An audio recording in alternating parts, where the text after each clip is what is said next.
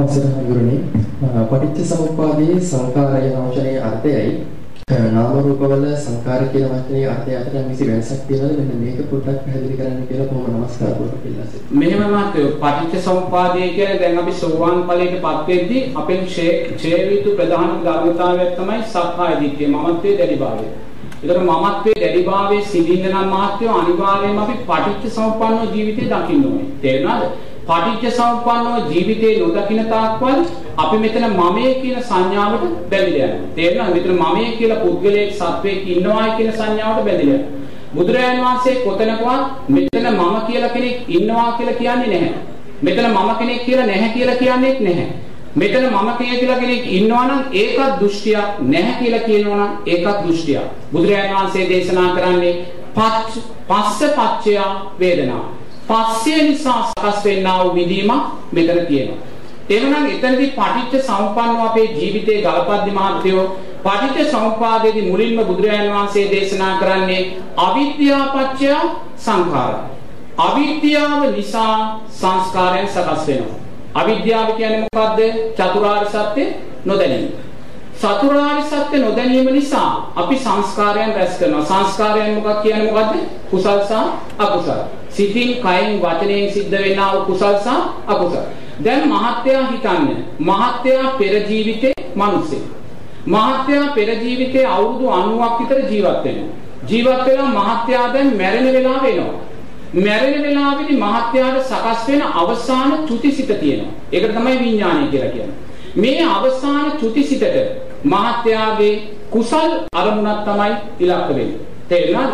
එතකොට මේ අවසාන චුතිසිත නැත්තම් විඥානය සකස් වුණේ කුමක් නිසාද? සංස්කාරයෙන් රැස් කරපු නිසා. තේරුණාද? සංස්කාර නිරෝධා විඥාන නිරෝධෝ. නමුත් සංස්කාර රැස් කළා. ඇයි සංස්කාර රැස් කළේ මාත්‍ය අවිද්‍යාව තුල? හිටියා. තේරුණාද? දැන් එහෙනම් අවිද්‍යාව නිසා සංස්කාර රැස් වුණේ. හේතුඵල ධර්මය. දැන් අවිද්‍යාවත් සංස්කාරات අතර කොතනක් සත්වයේ පුද්ගලයෙක් හිටියද? සත්වයේ පුද්ගලයෙක් නැහැ හේතුඵල ධර්මය. අවිද්‍යා නිරෝධා සංකාර නිරෝධෝ. නමුත් අවිද්‍යාව තිබ්බා ඒ නිසා සංස්කාර රැස් වුණා. සංස්කාර පත්‍ය විඥාන.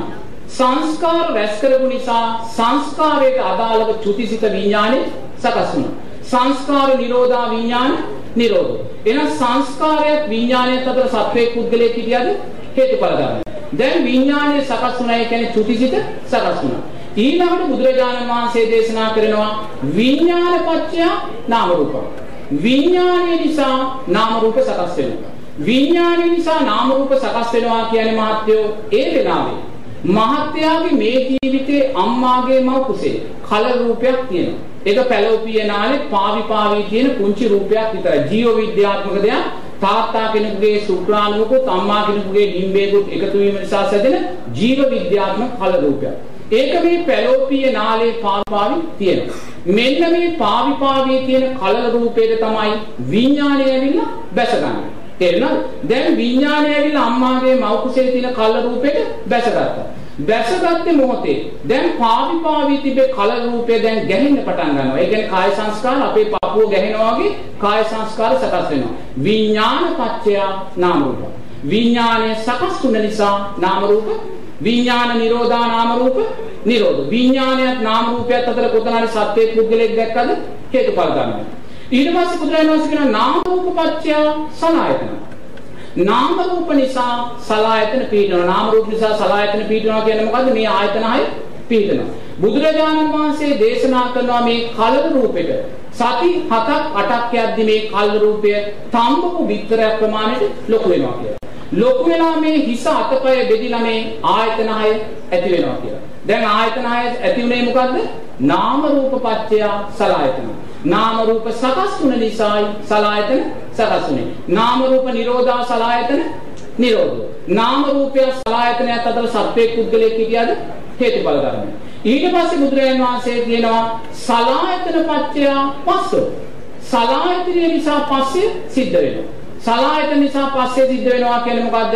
දැන් මහත්යා අම්මාගේ මව් කුසෙන් ලෝකෙට බිහි වෙනවා. බිහි වෙලා මහත්යා මොකද කරන්නේ? ඇසෙන් රූප දකිනවා. ඇසෙන් රූපයක් දැක්කා කියන්නේ මොකද්ද? චක්කු විඥානේ සකස් වුණා. ඇසෙන් රූපයක් දැක්කේ තැනදී මහත්යා මොකද්ද කරන්නේ? දැක්කා වූ රූපය ගැන හිතනවා. එතකොට දැක්කා වූ රූපය ගැන හිතනවා කියන්නේ ඇස මැරිලා මන ඉපදෙන. තේරෙනවද? එතකොට මහත්යට ශබ්දයක් ඇහෙනවා. මන මැරිලා කන ඉපදෙනවා. තේරෙනවද? කන ඉපදුනා කියන්නේ සෝත විඥානය සකස් වුණා. සෝත විඥානය සකස් වෙද්දී මහත්යයේ ශබ්දය ගැන හිතෙනවා. සෝත විඥානය මැරිලා මනෝ විඥානය සකස් වුණා. තේරෙනවද? චක්කු විඥානයේද මනෝ විඥානය කියන්නේ නැහැ. මනෝ විඥාණයෙන්ද සෝත විඥාණය කියන්නේ නැහැ. සෝත විඥාණයට කාය විඥාණය කියන්නේ නැහැ. ඇස මැරිනයි මන ඉපදෙන්නේ. මන මැරිනයි කන ඉපදෙන්නේ. කන මැරිනයි කය ඉපදෙන්නේ. බුදුරජාණන් වහන්සේ දේශනා කරනවා මාත්‍යෝ මේ ලෝකයේ ඉන්න සෑම සත්වයක්ම සෑම නිමේෂයකදීම මැරෙමින් ඉපදෙනවා මැරෙමින් ඉපදෙනවා කියලා. නමුත් අපි කිසිම කෙනෙක් දන්නේ අපි සෑම නිමේෂයකදීම මැරෙමින් ඉපදෙනවා කියලා. අපි මැරෙනවා කියලා දන්නේ මොකද්ද? කවදා හරි ආයුෂ අවර වෙලා මැරෙන මරණ විතරයි අපි දන්නේ. නමුත් බුදුරජාණන් වහන්සේ දේශනා කරනවා සෑම නිමේෂයකදීම අපි මැරෙමින් ඉපදෙනවා කියලා. මේ මැරෙමින් ඉපදෙනවා කියලා කියන්නේ මොකද්ද? ඇසෙන් රූපයක් දකිද්දී චක්කු විඥානය සකස් වෙනවා කියන්නේ ඇස ඉපදෙනවා. ඇස දැක්කා වූ රූපය ගැන හිතද්දී ඇස මැරිලා මන ඉපදෙනවා. ඒ වගේ නිරතුරුවම මේ ආයතන හයෙන් ඉපදිලා තියෙන්නේ එකම එක ආයතනයක්. හොඳට බලන්න ඒක කවදා හරි අපි ප්‍රඥාවෙන් විතරයි දකින්නේ කියලා බුදුරජාණන් වහන්සේ දේශනා කරනවා. මේ ආයතන හයෙන් ඉපදිලා තියෙන්නේ එක ආයතනයක්. ඒ ඉපදිලා තියෙන ආයතනය තුල විඥානය බැසගෙන තියෙනවා. ඇස ඉපදුන වෙලාවේ විඥානය ඇස තුල බැසගෙන තියෙනවා මන ඉපදුන වෙලාවේ විඥානය මන තුල බැසගෙන තියෙනවා කන ඉපදෙන වෙලාවේ විඥානය කන තුල බැසගෙන තියෙනවා. ඒ නිසා නිරතුරුවම මේ ආයතන හයෙන් එක ආයතනයයි එක මොහොතක ඉපදිලා තියෙන්නේ. ඒ ඉපදිලා තියෙන ආයතනය තුල විඥානය බැසගෙන තියෙනවා. එහෙනම් එකම විඥානයක්ද මේක? නැහැ. ඇස මැරිලයි මන ඉපදෙන්නේ චක්කු විඥානය මැරිලයි මනෝ විඥානය ඉපදෙන්නේ ඒ කියන්නේ මේ ආයතන හය හරහා මේ විඥාණය ඇති වෙමින් නැති වෙමින් මැරෙමින් ඉපදෙමින් මේ ජීවිතේ ගලා ගිහිල්ලා මහත්යා මේ ජීවිතේ දීර්ඝායුෂත්ව ජීවත් වෙලා මැරෙන වෙලාවට අවසාන චුතිසිත හැටියට මනෝ විඥාණය සකස් වෙලා ඊළඟ ප්‍රතිසන්දියට යන. තේරෙනවද එහෙනම් දැන් මෙතන එකම විඥානයක් තිබ්බද? නැහැ. මැරෙමින් ඉපදෙමින් ඇති වෙමින් නැති වෙමින් ගලා යනා වූ විඥානයක් මෙතන තියෙනවා. එතකොට මේ ආකාරයෙන් අපි පටිච්ච සමුප්පන්නව ජීවිතේ දකිනකොට අපි මෙතන සත්වයේ පුද්ගලයෙක් ඉන්නවා කියලා බැඳීමකට බැඳිලා යන්නේ නැහැ.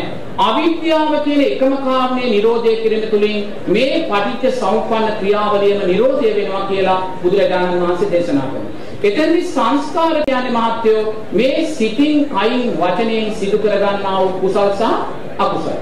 විඥානය කියන්නේ මේ කුසල් අකුසල් හේතුවෙන් සකස් වෙනා වූ කර්ම ඵලය නැත්නම් කර්ම ශක්තිය. හරිද උත්තරය ආවද?